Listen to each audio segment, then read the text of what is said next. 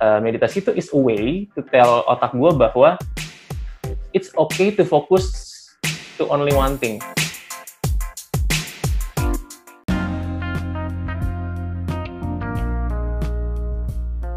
Hey, welcome to Beach Slap dengan gua Billy Dan gue Chris, di Slap dulu. biar melek. Nah, kita bicara apa hari ini, Chris? Kita hari ini kita bicarain tentang alasan kita bisa bikin si podcast ini. Maksudnya kenapa awalnya kita bisa sampai bikin podcast ini karena kita lagi di waktu, karena kita lagi work WFH. from home sekarang, WFH. Oke. Lo- udah berapa lama lo bil WFH sampai Wah. sekarang jadinya? Udah eh, hampir sebulan kayaknya, tiga minggu lebih. Harusnya minggu Udah ini sebulan ya. sebulan gue WFH. Nyaman-nyaman aja. So far nyaman. Jadi kayak eh, mungkin eh, gua di di di pembicaraan lain sama lo, gue juga ngomong gitu kan. Eh, WFH ini membuka mata gua untuk beberapa hal. Salah satunya, gua eh, baru baru sadar kalau ternyata gue itu introvert. Karena selama di kantor gue tuh kalau kerja tuh selalu di di ruang gua kan, di di, di ruangan gua terus Ya, gua kerja keluar paling eh, ngambil catering atau ke WC atau jajan terus balik lagi ke ruangan gua terus kerja eh tiba-tiba malam terus ya paling keluar kalau nggak meeting atau segala macam kan. Tiba-tiba malam pulang gitu kan. Nah itu kayak the same ambience gue pindahin ruangannya jadi di rumah gue gitu loh. Jadi terus gue nggak orang-orang kayak berasa aduh bosen nih gue kayak udah nonton Netflix ini udah nonton itu udah udah mati gaya gue kayak pengen keluar gitu. Gue pas teman-teman gue bilang itu gue kayak enggak sih sama aja kayak gue gue cuman kayak ruangan kantor lu pindahin ke sini. Gue keluar buat WC buat makan bukan buat jajan udah sama gue ke balik ke kamar gue di saat uh, uh, udah kerjaan gue udah beres which is sudah malam juga jadi Nah, dan buat yang nggak tahu Billy, yang dia ngomong ini bukan sekedar 8 jam eh 8 to 5 ya, gitu. Kerjaan lu dari jam berapa jam berapa? Bil? Biasa lu balik jam berapa? oh normalnya jam 8.30 sampai setengah 6 itu, Oh, itu working hour normalnya. Iya, Ah, normal. working hour. Oke. Eh, prakteknya baliknya jam? ya paling cepat jam 10 itu paling pagi. Jadi di saat gue pulang jam 10 orang rumah uh, apa uh, uh, apa istri gue atau bahkan teman-teman gue termasuk lu kan tumben pulang pulang cepet ya kan? Jam Iya. 10 loh itu. Jadi WFH ini sebenarnya lu nggak nggak gitu beda jauh sama di kantor nih. so far sih uh, nggak gitu beda jauh. Tapi again uh, tergantung setiap orang juga kan. Kalau setiap orang yang suka lebih berinteraksi sama orang mungkin berasa nih kalau gue emang orangnya gue baru tahu bener-bener gara-gara wifi ini ternyata gue selama ini di kantor pun nggak nggak suka ya berinteraksi di saat lu perlu meeting, lu perlu uh, ngobrol, lu perlu uh, diskusi itu interaksi. Cuman gue bukan tipe orang yang suka basa-basi gitu loh. Jadi kayak gue keliling-keliling, eh gimana kabar lu hari ini? Eh itu bukan gue banget gitu. Jadi Ah, I'm it in and in my comfort zone sekarang gitu loh. Jadi nggak ada yang ganggu bener-bener di kamar. I see. I see. Ini kan lu office white ya berarti ya? Kenapa? Office white, maksudnya kayak se se- sekantor nggak lu nggak Oh, iya. cuman kayak kan ada kan yang cuman kayak eh, jajaran tertentu yang eh, WFH Semua sih, cuman ya paling kayak accounting harus masuk bayar pajak, bayar gaji atau apa pun itu. Tapi seluruhnya sih WFA. I see. Dari dari WFH ini eh, lo sendiri ada masalah ada transisi dari kantor ke, ke rumah ada yang berubah nggak? Kalau eh kalau lo kan tadi nyaman-nyaman ya, maksudnya dari produktivitas berubah nggak dari lo? Dari gue sih nggak, cuman uh, again setiap orang kan beda ya. Jadi uh, kadang-kadang juga uh, dengan partner kerja kita, dengan counterpart, mungkin ada sedikit-sedikit penyesuaian dengan uh, rekan kerja gitu. Ada sedikit penyesuaian harus dilakuin karena biasa ketemu muka, sekarang ketemu video call. Gitu. Hmm. Nah berarti kita emang hari ini kita bakal banyak bahas di situ kali ya. Gimana kita bisa WFH tapi tetap produktif, tetap nggak stres. Karena Ya. kan banyak nih jatuhnya yang habis WFH nih gara-gara WFH eh, berasanya bukan WFH, libur. Itu dia. Ah, jadi WFH-nya bukan work from home, tapi waktunya full hibernasi. ah, bisa, Gitu bisa, kan? bisa, bisa, Nah. bisa, bisa. jadi eh, kali ini kita bahas aja kali ini gimana supaya kita tetap produktif pas WFH, tetap nikmatin juga, nggak stres. Ya, tapi kerjaan lu sendiri semua. gimana, Kat? Lu kan entrepreneur, maksudnya lu punya punya punya company sendiri gitu dan company lu mobile kan. Lu sendiri Mhm, mhm. dari sebelum WFH sampai WFH tuh ngaruhnya gimana sih? Oke, kalau gue sendiri kan gue bukan ya sekarang gue WFH aja. Kalau dulu kan gue work from anywhere. di OFA tempatnya. Jadi gue di tempatnya, di tempat uh, uh, kru gue lagi uh, ngerjain sesuatu atau di cafe, gue paling seneng work from cafe atau karena di rumah juga. Cuman yang beda adalah ya satu ini di rumah terus. Jadi kalau gue pribadi yang paling berasa pasti supervisi. Mm-mm. Ah, yang tadi gue bisa datengin atau mereka di mana gue datengin atau uh, mereka selesai kerja gue ajak pokoknya kita ketemuan di sini nggak bisa kan gue mesti full supervisi mobile jarak jauh gitu Hmm. Terus sama dari guanya pribadi hmm, karena emang kita dihimbau untuk di rumah aja nggak ke mana-mana somehow emang efek sih ke psikologis bahwa jadi lebih males gitu atau bukan lebih males ya lebih at least lebih uh, permisif ke diri sendiri buat kalau nggak serajin itu ke se- serapih itu kayak Effortnya lebih day. effortnya lebih lebih keras lagi ya sebetulnya. Nah Kalau dulu at least misalnya lu ada meeting di mana jam berapa, lu kayak effort Hmm. oke gue harus cepet siap-siap karena gue harus uh, ketemu orang di jam berapa gitu. Kalau sekarang kan yes. nggak ada.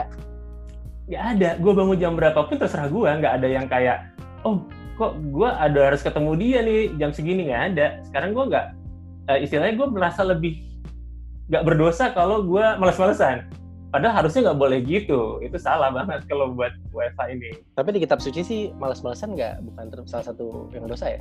oh ya bukan seven deadly sin kan ya? Jadi nggak nggak apa-apa nggak Ah, berdosa. nggak masalah. Eh ada woi ada woi. Emang ada? Ada. Apa sih? Malas tuh dosa. itu bukan ya? Slot slot slot. Iya. Ya, itu dosa bukan?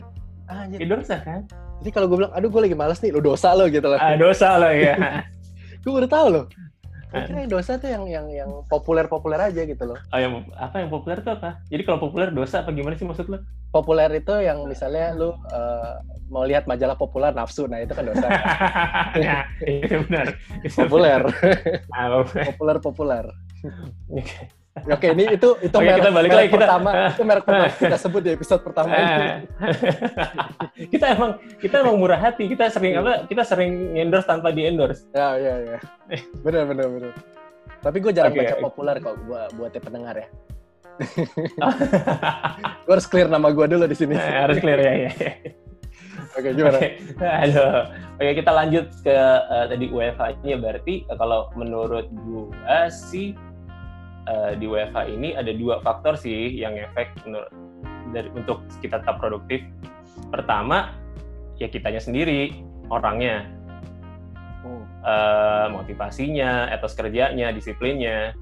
Kedua, ya tools-nya. Jadi kayak tadi lu sempat ngomong soal eh, video call atau video call kan lu nggak mungkin kayak video call berdua doang kan, tapi pasti tim meeting gitu ya, video meeting lah ya, bukan bukan bukan video call kayak orang pacaran LDR kan. Bukan, bukan. Bukan di Ah, atas tempat ya. tidur gitu loh, yang bisa Ah. Instagram. Nah itu juga dan kayak tadi gue bilang soal supervisi dan segala macam, berarti kita pasti ada perlu tools buat bisa akomodasi itu semua. Kita bahas satu-satu kali ya. Boleh, boleh, boleh banget. Kita bahas satu-satu dari orangnya dulu. Hmm. Nah, kayak tadi gue bilang ya, kayak kalau gue pribadi kan hmm, eh, lebih males nih kalau WFH ini. Jadinya kan. Nah, Semua dari lu sendi- Hmm. Hmm, jadi lebih males lebih WFH karena kan nggak ada nggak ada clock in clock out. Iya. Hmm. Nah, lu sendiri ngakalinnya, ngakalinnya eh, self disiplin atau kerja lu tetap terjaga, apalagi lu kan kayak cukup lama ya udah di rumah, lu bisa tetap kerja sekian lama dari pagi sampai malam tuh, lu Ya. gimana sih?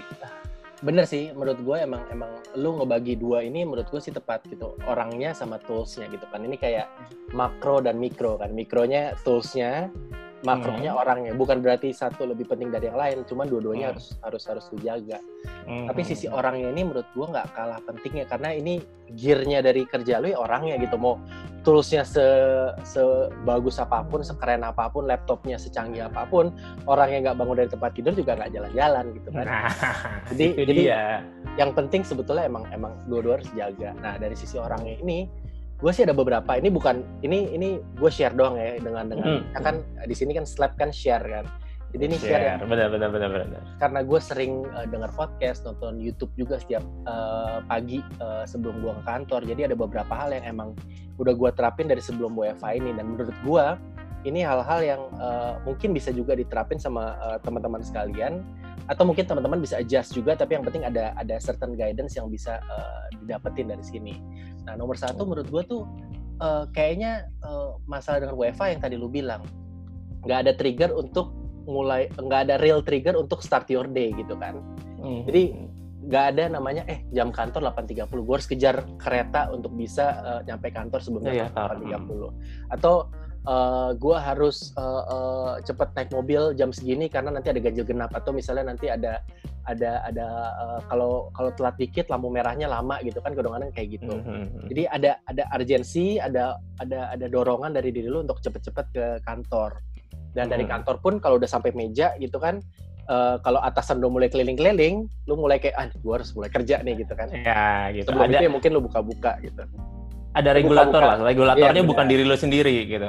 Iya benar, karena ada dorongan orang lain. Kalau ini kan Hmm. WFH sebetulnya ya diri lu sendiri gitu. Jadi Hmm. eh, yang pertama menurut gua at least gue terapin juga itu you should do a better morning routine to start your day your own morning routine ya gitu yang Hmm. yang sesuai sama lu jadi lu harus mulai cari ini ada beberapa yang gue terapin tapi lu harus mulai cari yang cocok buat tuh jalanin karena per- percuma juga morning routine keren tapi kayaknya lu juga nggak bisa jalanin gitu loh ya kan? Kalau morning rutinnya, abis alarm bunyi, matiin lagi, tidur lagi sejam lagi gimana tuh? Itu Wow. masuk hitungan nggak? masuk banget morning routine procrastination Enggak, tapi ya kan rutin juga, rutin juga tuh. tapi lu bisa buat jadi Nah, morning routine gue adalah gue uh, uh, apa uh, mundurin uh, apa snooze baker gue tiga kali gitu bener bener bener soalnya gini gue pun gue nggak pernah tuh baker bunyi, bunyi terus langsung wow selamat pagi gue langsung segar oh, ya. nggak pernah tuh pasti baker gue Hmm. mundurin minimal tiga kali gue pasang alarm by the way uh, buat besok bangun gitu ya selalu lima Hmm. selalu lima, yang Lima, pertama Bil. lima lima kali jadi biasanya gue bangun kan jam jam uh, kalau hari biasa dan gue nggak pulang pagi ya itu biasa bangun jam 5 ini bukan pencitraan ya saudara-saudara emang bangun jam 5 Hmm. jam jam 5 itu pasang beker 5 terus gue snooze 5.15 5.20 5.25 5.30 nah itu target bangun gue 5.30 jadi gue snooze 5 kali Jo dan itu morning routine gue kalau lu pas lu ngomong gitu gue baru sadar itu morning routine gue di beker handphone gue itu lima kali snooze-nya selalu Tapi bener sih, jujur, jujur kalau gue pikir-pikir lagi, eh, it works. Maksud gue, karena buat gue ya, gue, eh, tapi gue yakin buat semua orang juga, eh, tidur paling nikmat itu adalah tidur setelah lu snooze. Kesannya kayak apa ya? Something yang guilty, guilty itu tuh pasti iya lebih enak. iya iya abis snooze itu lu tidur walaupun sesingkat mungkin itu kayak pules banget Bener, memuaskan enak. banget. Kayak Iya. puas ya makanya. iya Dan dan tapi by the time kayak misalkan lu udah nge-snooze, apalagi kalau lu nge-snooze dua kali, akhirnya yang ketiga lu bangun, bener, itu kayak memang lebih rela sih bangunnya. benar benar jadi lu lebih rela, kalah. lebih siap gitu. lebih ya lebih siap mungkin itu kata-katanya karena menurut gue dikit lah orang di dunia ini yang kayak baker pertama first alarm gitu kayak langsung ah morning. Gue langsung bikin kopi gue langsung mandi gitu kan kayaknya nggak kayak gitu sih gitu. Jadi lu Iya. at least lu punya ya gue harus tambahin nih sebetulnya di poin gue nih. Eh, apa snooze baker lima kali nih mungkin salah satu morning routine yang lu guilty pleasure lu lu perlu Hmm. akuin dan dan dan mendingan lu uh, jalanin daripada lu bilang gue pengen bangun pagi deh gitu. Menurut gue bullshit lah bangun pagi itu susah gitu loh. Nah bener setelah itu dilakuin nah ada beberapa yang gue selalu lakuin nih uh, dan gue paling rajin lakuin uh, kayak dua tahun yang lalu gitu kalau sekarang udah agak jarang cuman gara-gara WFH ini jadi mulai dilakuin lagi yang Apa pertama tuh? adalah uh, bangun tidur lu mendingan jangan langsung mandi ya bangun tidur kan terus mandi nah Iya. bangun tidur lu langsung minum air air putih karena gue baca uh, dan gue dengar juga dari penelitian itu uh, apa dari uh, organ tubuh lu tuh belum siap sebetulnya di satu bangun tidur. Nah jadi dengan masuknya air putih organ tubuh lu kayak di testing gitu loh, the whole your body untuk eh ini ada asupan nih, gue harus ngedigest. Jadi uh, the stomach, the hormon segala macam itu dites dengan adanya air putih. Gak usah banyak-banyak gitu loh, gak usah 2 liter. Hmm. Uh, minum air putih satu gelas atau setengah gelas juga masih nggak apa-apa. Itu kayak ngebangunin organ lu, karena lu udah melek, otak lu mungkin udah setengah melek gitu, tapi organ lu belum Belum, belum, bangun ada. juga. belum bangun gitu loh. Mungkin ada beberapa yang udah bangun duluan kan. Hmm, iya, iya. oh iya, organ kita sih ada yang udah bangun duluan. Aduh, tapi maksudnya kita, kita ngomong keseluruhan ya. Iya, iya, iya. iya. Tapi in general, lu tetap butuh air putih gitu kan. Sebenarnya nah. tubuh kita juga udah ngebantu kan sih. Udah apa ya? Uh, lu juga bangun mostly aus kan. Aus. Tubuh kita juga tubuh tubuh kita juga udah ngasih sinyal. Ya, tapi kan kadang-kadang lu bangun either aus kalau nggak kebelet kencing kan. Di saat lu pengen ke WC, abis dari WC lu udah kadang-kadang malas minum udah malah ya, ya. Gitu. Jadi jadi lo harus mendorong dulu apa badan lo untuk untuk minum itu. Itu at some point bikin lo lebih segar nah hmm. terus selanjutnya adalah you should do 5 to 10 minutes morning exercise. Gak usah gak usah ribet gitu loh. Uh, lu pengen push up 20 kali pun menurut gua nggak apa-apa. Nggak sampai 10 menit lah re re realistis 5 menit juga masih nggak apa-apa. Yang penting lu gerak gitu loh. Uh, apa namanya ngangkat barbel atau apa. Nggak usah terlalu terlalu ber, berlebihan. Karena dalam 5 menit kalau lihat YouTube tuh 5 minute exercise gitu atau morning exercise itu banyak banget. Dan kadang-kadang capeknya lebih parah dibanding lu workout 20 menit gitu loh. HIIT yang gue tahu. Apa Bisa tuh? dikasih 7 menit 7 menit. High intensity apa high intensity interval training. Iya, tujuh menit tujuh menit doang, iya. cuman capeknya luar biasa. Iya, yang kayak gitu, kayak gitu. Maksud gua yang gak usah sampai bener-bener melelahkan kayak gitu. Lu coba pelan-pelan lah. Cuman kayak misalnya kayak ada challenge-challenge kan yang push up berapa kali sehari ini berapa kali. Oh iya iya iya. Ya. ya lu coba ya 20. Dulu gua coba gitu 20, 40, uh, 60 terus 100 gitu. Lama-lama biasa juga. Dan itu kan cepet kan nggak sampai 5 menit juga lu lu selesai. Hmm. hmm, hmm. Jadi itu ya, tergantung kalau nggak kuat ya nggak selesai-selesai. Bener juga sih. Nah, Makanya ya, lu mau 100 gitu, lu belum mampu 100 ya mungkin tiga bulan selesainya. Ya bener bener. Ya, ya.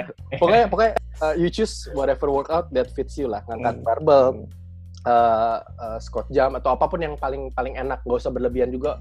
Harus punya treadmill, gak usah kayak gitu gitu. Tapi yang intinya penting, move your body lah ya. Move your body. Kalau kalau gue lupa di buku apa dia bilang harus harus dance buat uh, bikin bodinya lebih happy. Tapi kayaknya gue kan gak bakat dance ya. Jadi mendingan workout dikit. Gitu. Dan, dan emang tapi ini juga menurut gue emang sering banget dilupain sih pas lagi WFH ini. Apa tuh? Workout eh, itu uh, workout workout gitu. Iya padahal lebih luar. lebih jarang gerak ya kan terus banyak nah, makan workout nah itu. Uh, uh, gue gue justru juga agak khawatir selepas dari segala uh, self distancing ini gue udah mesti beli baju baru sama celana baru. Size nya berubah. Mungkin. Kan nah. ada ada tadi ada tadi uh, memes yang dikirim ke gue itu uh, setelah corona selesai gitu kan. Terus ada dua orang gendut terus pintunya kecil gitu how do we get how do we get out from here? Itu lucu banget sih. Gue nanti gue share ke lu. Ya ya ya oke okay, nah, workout. Ya bener. Ya, itu juga penting karena ya selain sehat juga jaga bentuk tubuh juga tadi apa bisa ngejam start supaya lo hari lu supaya lu produktif. Ya dan dan buat ini juga kan kardio lu kan. Jadi lu lu apa terpacu gitu kan Nah, itu itu itu itu nomor dua kan. Tadi drink water, uh, do 5 to 10 minutes more exercise. Yang ketiga tuh ini mungkin eh, nggak uh, gitu konvensional di Indonesia, tapi di luar negeri sebenarnya populer banget. Dan gue udah terapin ini dua tahun terakhir.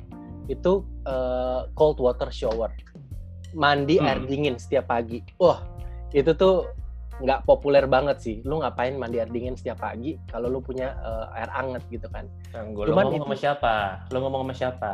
Sama siapa? Nah, teman-teman lu ada yang ada yang ada yang punya uh, semuanya punya air pang, air hangat. Kalau ya, kita ngomong sama anak kosan yang kosannya nggak ada iya. air hangat, nggak punya pilihan. Benar, benar, benar. Nah, gue sebenarnya mulai belajar dari pas zaman gue di Bandung. Gue kan mandi kepaksa air dingin tuh dan Bandung lagi kan, lu tahu dingin. Bandung air dingin luar biasa. Setiap kali setiap kali ngiduk gayung, hitung satu dua tiga dulu gitu. Satu dua tiga biur gitu untuk nyiapin mental. Nggak cuman uh, uh, penelitian ada yang gue baca juga itu uh, ada dua bagus. Yang pertama mindset sama metabolisme. Metabolisme udah pasti bikin lebih bagus karena itu mempercepat aliran darah lo dan secara mindset itu kayak lo kan tahu ya uh, ini dari TED Talk gue ambil nih. Uh, dan banyak banget TED Talk tentang ini. Jadi kalian bisa uh, search uh, cold water shower benefit di YouTube itu banyak banget. Jadi salah satu mereka bilang kan going through the day itu so many stress ya kan yang bakal dihadapin. Banyak pilihan banyak stress banyak tantangan. Di saat dan kita uh, selalu uh, belum ready nih pagi-pagi untuk ngadepin tantangan itu. Nah, cold water shower itu adalah stres pertama yang lu bisa uh, overcome gitu loh.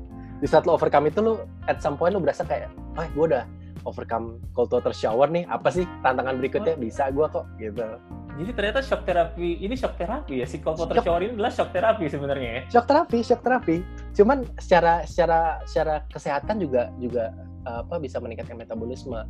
Jadi ada satu tuh yang yang gue uh, sering nonton namanya Wim Hof. Itu juga nanti hmm. gue ada ada ada referensi lagi tapi Wim Hof ini itu disebut Iceman. Kan lu baca ini ya? Lu baca Tools of Titan kalau nggak salah uh, Tim iya, Ferriss. Yes, Tools of Titan Tim Ferriss punya. Salah ya, satunya itu ada dia interview sama Wim Hof. Gue tahu itu dari dari Tim Ferriss pertama kali by the way. Wim Hof itu hmm. Iceman karena dia orang pertama yang mendaki gunung Everest uh, topless dan dia cowok ya bukan cewek jadi lu jangan okay, okay, okay. topless jadi dia bisa mendaki gunung Everest topless buat dia dia nggak berasa dingin dan dia pernah diteliti juga dia masuk uh, ke satu kayak bathtub dingin gitu. Terus dia diteliti uh, sama apa kayak uh, suhu tubuh segala macam dari luar emang dingin tapi suhu dalam tubuhnya tetap hangat orang juga bingung gitu loh. Dan dia punya metode pernafasan yang uh, yang Wim Hof method itu. Intinya dia bisa ngomong kalau lu ngelakuin ini lu akan jarang banget kena penyakit gitu. Tapi ini Wim Hof ini emang orang uh, biasa ya dari segi biologisnya bukan yang kayak bukan uh, Clark kan ya? Bukan Clark bukan maksud gue ada yang ada yang uh, uh, misalkan ada kelainan apa sih? Uh, jadi dia emang nggak nggak sensitif terhadap suhu di kulitnya atau something nggak tahu cuman kayaknya sih so far dari gue ikutin ceritanya enggak gitu loh. Kisahnya biasa ya, lumayan, ya manusia biasa aja. Uh, manusia biasa gitu loh. Kisahnya lumayan lumayan lumayan tragis sebetulnya. Dia tuh uh, kalau nggak salah gue lupa detailnya ya. Dia tuh uh, ditinggal meninggal sama istri dan anaknya. Gue lupa kecelakaan atau penyakit. Jadi istri sama anaknya meninggal dia tinggal sendiri doang. Dia udah lumayan tua waktu itu. Terus dia merasa nggak punya tujuan hidup mau bunuh diri Nah, oke. Okay, jadi jadi uh, dia uh, yang si Everesting ini adalah setelah dia ditinggal oleh istri dan setelah, anak. Setelah, setelah, Dia, dia, dia that means dia udah lumayan tua ya, udah udah middle age lah. Udah, by anaknya that time. tahu gue anaknya lumayan uh, udah udah lumayan gede, udah remaja kalau nggak salah. Dia cerita Luar di YouTube kalian kalian bisa search lu juga bisa search Wim Hof, dia ceritain kok. Jadi dia tuh nggak uh, punya tujuan hidup, dia mau almost kill himself terus akhirnya dia mikir uh, gue pengen uh, coba uh, mengejar suatu hal yang lain gitu. Akhirnya dia mencoba uh, explore dengan cold water uh, terus dia mencoba uh, mendaki gunung Everest. Itu kalau nggak salah uh, bucket bukan bucket list. Itu kayak justru tujuan salah satu tujuan pertama yang ditaruh oke okay, gue mau achieve ini. Biar gue bisa at least nggak uh, uh, mikirin bini sama anak gue lagi gue punya tujuan baru. Dan dia lakuin itu dia latihan untuk bisa ngelakuin itu sampai achieve dapat Guinness Book of Record terus akhirnya terkenal kan dengan metode-metodenya itu karena dia punya metode pernafasan yang bikin apa ya metabolisme lu tuh lebih lebih lebih kuat jadi lu bisa nangkal penyakit-penyakit yang timbul termasuk dingin yang muncul dari luar tubuh lu. Menarik loh tuh orang. See, I see. menarik. Inspiring sekarang, sih inspiring huh? inspiring banget. Mungkin kita bisa bahas kayak satu session terkait itu karena kalau lu search Wim Hof experience ada tuh website kayak gitu. Intinya tur sama dia naik gunung telanjang dada atau lu pakai baju yang minim diajarin sama dia. Oke. Okay. Bayarnya lu tau gak bayarnya tuh berapa ya? Lima puluh ribu eh lima lima ribu sampai sepuluh ribu dolar kalau nggak salah. Untuk sekali ikut turnya dia. Gitu. Cuman cuman menurut gue menarik lah. Sekarang dia lumayan tajir dan banyak ngomong di mana-mana. Dari yeah. ditinggal nggak punya apa-apa sampai sekarang inspiring banget. Ya gimana nggak tajir bil? Sepuluh ribu lima belas ribu sekali jalan sama dia bil. Itu dia makanya. Uh -uh. itu dia gua kalau bayar porter naik gunung gede aja nggak nyampe segitu bil. Iya ini bawain tuh barang sampai lima belas ribu nggak termasuk tiket pesawat lagi.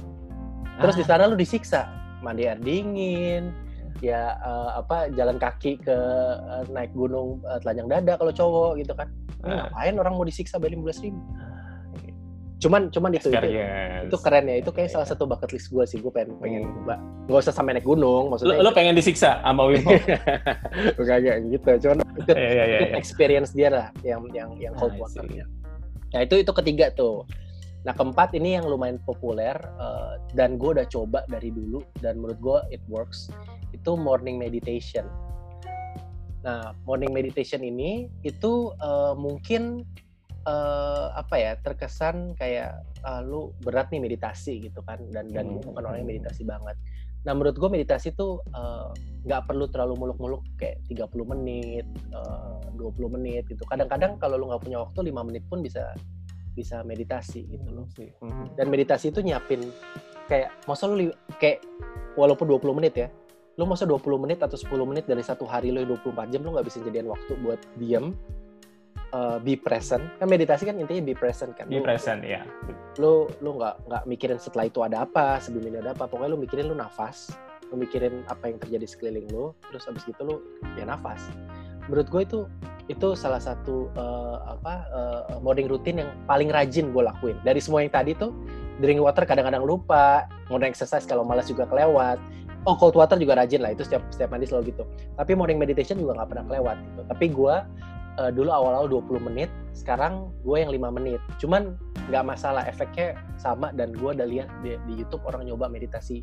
Sebulan dia bilang paling maksimal meditasi 20 menit aja setelah itu kayaknya nggak ada nggak gitu beda. Gak Jadi ada additional benefit ya. Nggak ada additional sama benefit. aja. bisa 20 menit lewat 20 menit lu sama aja satu jam sama 20 menit kalau dari penelitian dia. Ah, gitu. Nah untuk ini juga nggak usah ribet gitu loh. Dan eh, lu nggak usah kayak aduh gue nggak bisa konsen. Lu pakai headset aja eh, kayak di di di Spotify sama YouTube tuh banyak banget lu search guided meditation Mm-mm. Jadi di situ tuh ada suara-suara yang agak ngebas gitu ya, yang uh, you feel yourself atau apa gitu lah intinya. jadi jadi Ya, ya, ya, mungkin ya, lebih ya. lebih bagus dari gue, lebih ngebas dari gue suaranya. Jadi itu itu sebetulnya udah ngebantu banget dan dan paling gampang kalau buat referensi, gue paling sering denger itu Honest Guys namanya. Ya.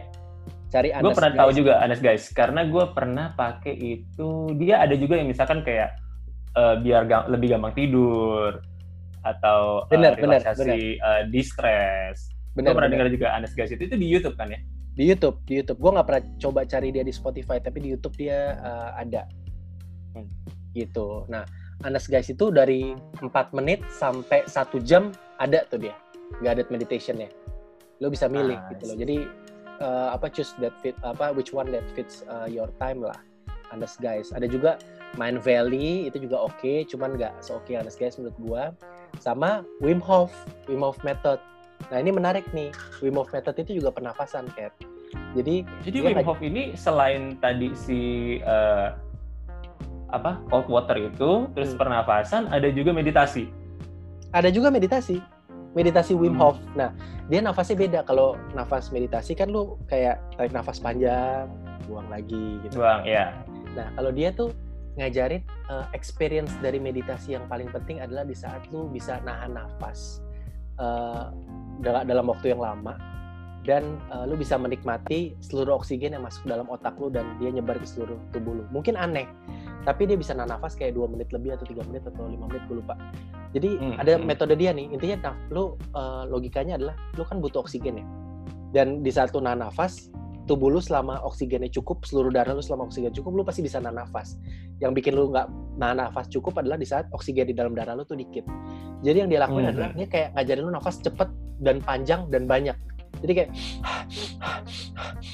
itu kayak gitu. malah bunyinya. pendek ya orang kan Ya. basic kalau meditation kan panjang lambat Iya, dia malah ngebut ngebut ngebut. Ya lu bisa panjang juga kayak tapi kayak Ah. terus menerus gitu ya kan lu bilang pokoknya lu nafas sebanyak banyaknya lu hirup ke oksigen lu buang gak usah sampai habis lu hirup lagi sampai 30 40 kali habis ke 40 Oke. kali lu tahan nafas lu lu gue pertama uh, skeptis banget tapi pas lu coba gue bisa nahan nafas gue kan nggak gitu bisa nahan nafas ya orangnya.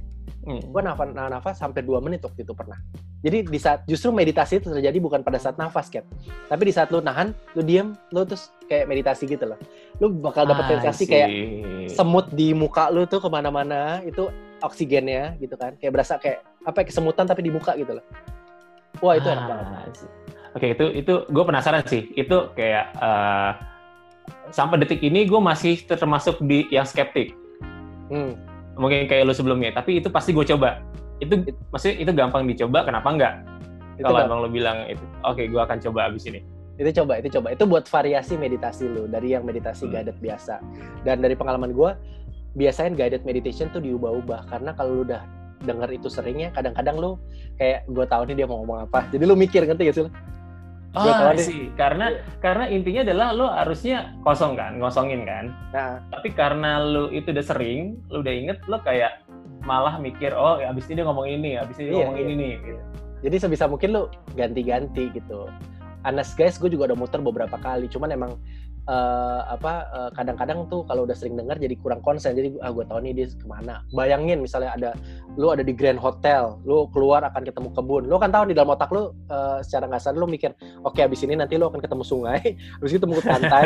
Lu udah tahu gitu dia dia bakal udah, udah hafal urutannya ya udah hafal urutannya. Jadi jadi yeah. kayak uh, kayaknya harus harus agak diubah. Cuman ya itu itu uh, variasi lah. Cuman you, you should try lah Kat karena uh, meditasi itu salah satu yang menurut gue apa ya manfaatnya tuh nggak berasa langsung cuman gue berasa setelah gue suka meditasi tuh uh, apa ya kayak the law the laws of attraction itu lebih lebih ada gitu loh walaupun gue orangnya nggak hoki ya cuman okay, di saat gue okay. mikir gue pengen apa biasanya gue dapet sesuatu yang gue mau mau dapetin itu di hari itu dengan lakukan meditasi. Oke, okay. gue sebenarnya kalau gue pribadi gue juga sebenarnya meditate, gue suka meditate, tapi hmm. gue bukan sebagai morning routine kalau gue, karena apa? Kalau gue meditate biasanya justru di tengah hari atau di saat gue merasa lagi hektik-hektiknya. Hmm. Kenapa? Karena buat gue kan banyak yang uh, banyak yang menghubungkan meditasi dengan spiritualitas. Hmm. Jujur gue sendiri bukan. Gue bukan yang merasa uh, meditasi itu seperti spiritualitas gimana. Gue merasa uh, efek meditasi paling besar buat gue adalah karena kita diam, kita fokus mengosongkan pikiran.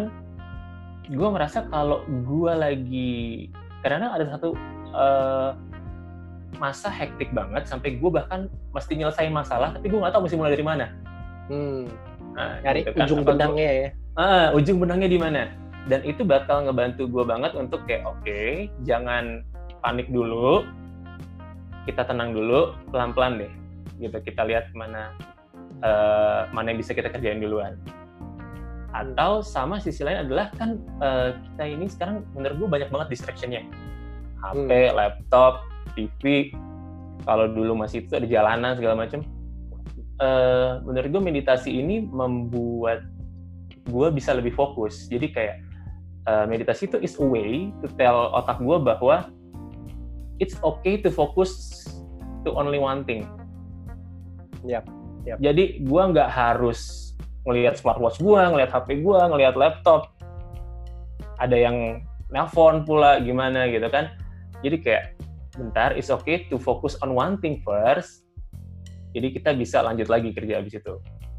Gitu. Setuju. Itu kalau kalau meditasi buat gue ya. Setuju. Benar sih. Maksud gue emang meditasi nggak uh, setiap orang kan harus cocok-cocokan. Satu, mm-hmm. metodenya beda-beda. Dua, ada orang yang benar kayak lu, meditasi di tengah-tengah hari bukan di depan. Karena justru dia cari benefitnya di saat tengah hari. Satu, energi udah turun, dia bisa naikin lagi. Kedua, kalau stres lagi tinggi-tingginya, meditasi itu kayak kayak intermezzo yang membuat oke okay, gue harus uh, konsentrasi lagi harus put my which one is more para, which one is more of my priority kan? Yang mana yang lebih, ha, lebih ha, mana yang lebih uh, duluan kita beresin lah mana yang bisa nanti gitu. walaupun semua orang kan pasti ngejar lo kayak ini gimana nih? Gitu semua orang pengen duluan. Cuman at the end of the day kan lo bisa lebih oke okay, tunggu yang mana yang sebetulnya lebih prioritas yang mana yang sebetulnya lo diemin juga pasti nggak apa-apa. Oh gitu. Setuju setuju. Meditasi emang gue sih setelah meditasi semua stres yang gue alamin jadi jarang yang benar-benar bikin gue kayak uh, apa ya uh, paralyzed nggak ngapa-ngapain? Iya sampai kayak gue bener-bener stres yang gue diem gimana gitu. Karena at the end of the day gue hmm. sadar bahwa semua sebetulnya bisa gue kontrol waktunya tinggal gimana cara gue milih. Dan setiap pilihan gue pasti ada konsekuensinya yang udah gue tahu. Jadi gue accept it aja nggak usah terlalu dipikirin. Sih gitu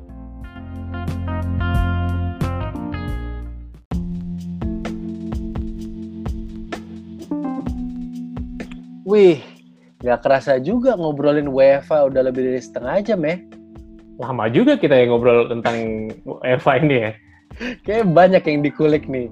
Tapi hmm. kuping kayaknya capek juga nih si pendengar kita kalau denger lebih uh, lama dari ini. Jadi mungkin kita... Kita lanjut berikutnya aja kali ya. Kita lanjut lain ya. kali kali ya kita lanjut episode selanjutnya aja biar kita at least gak usah buat dua episode kan? Udah ini tinggal dipecah dua. Jadi dua oke. Okay. oke okay, kalau gitu. Oke. Okay. gua Chris. Gua Billy. Pamit. Pamit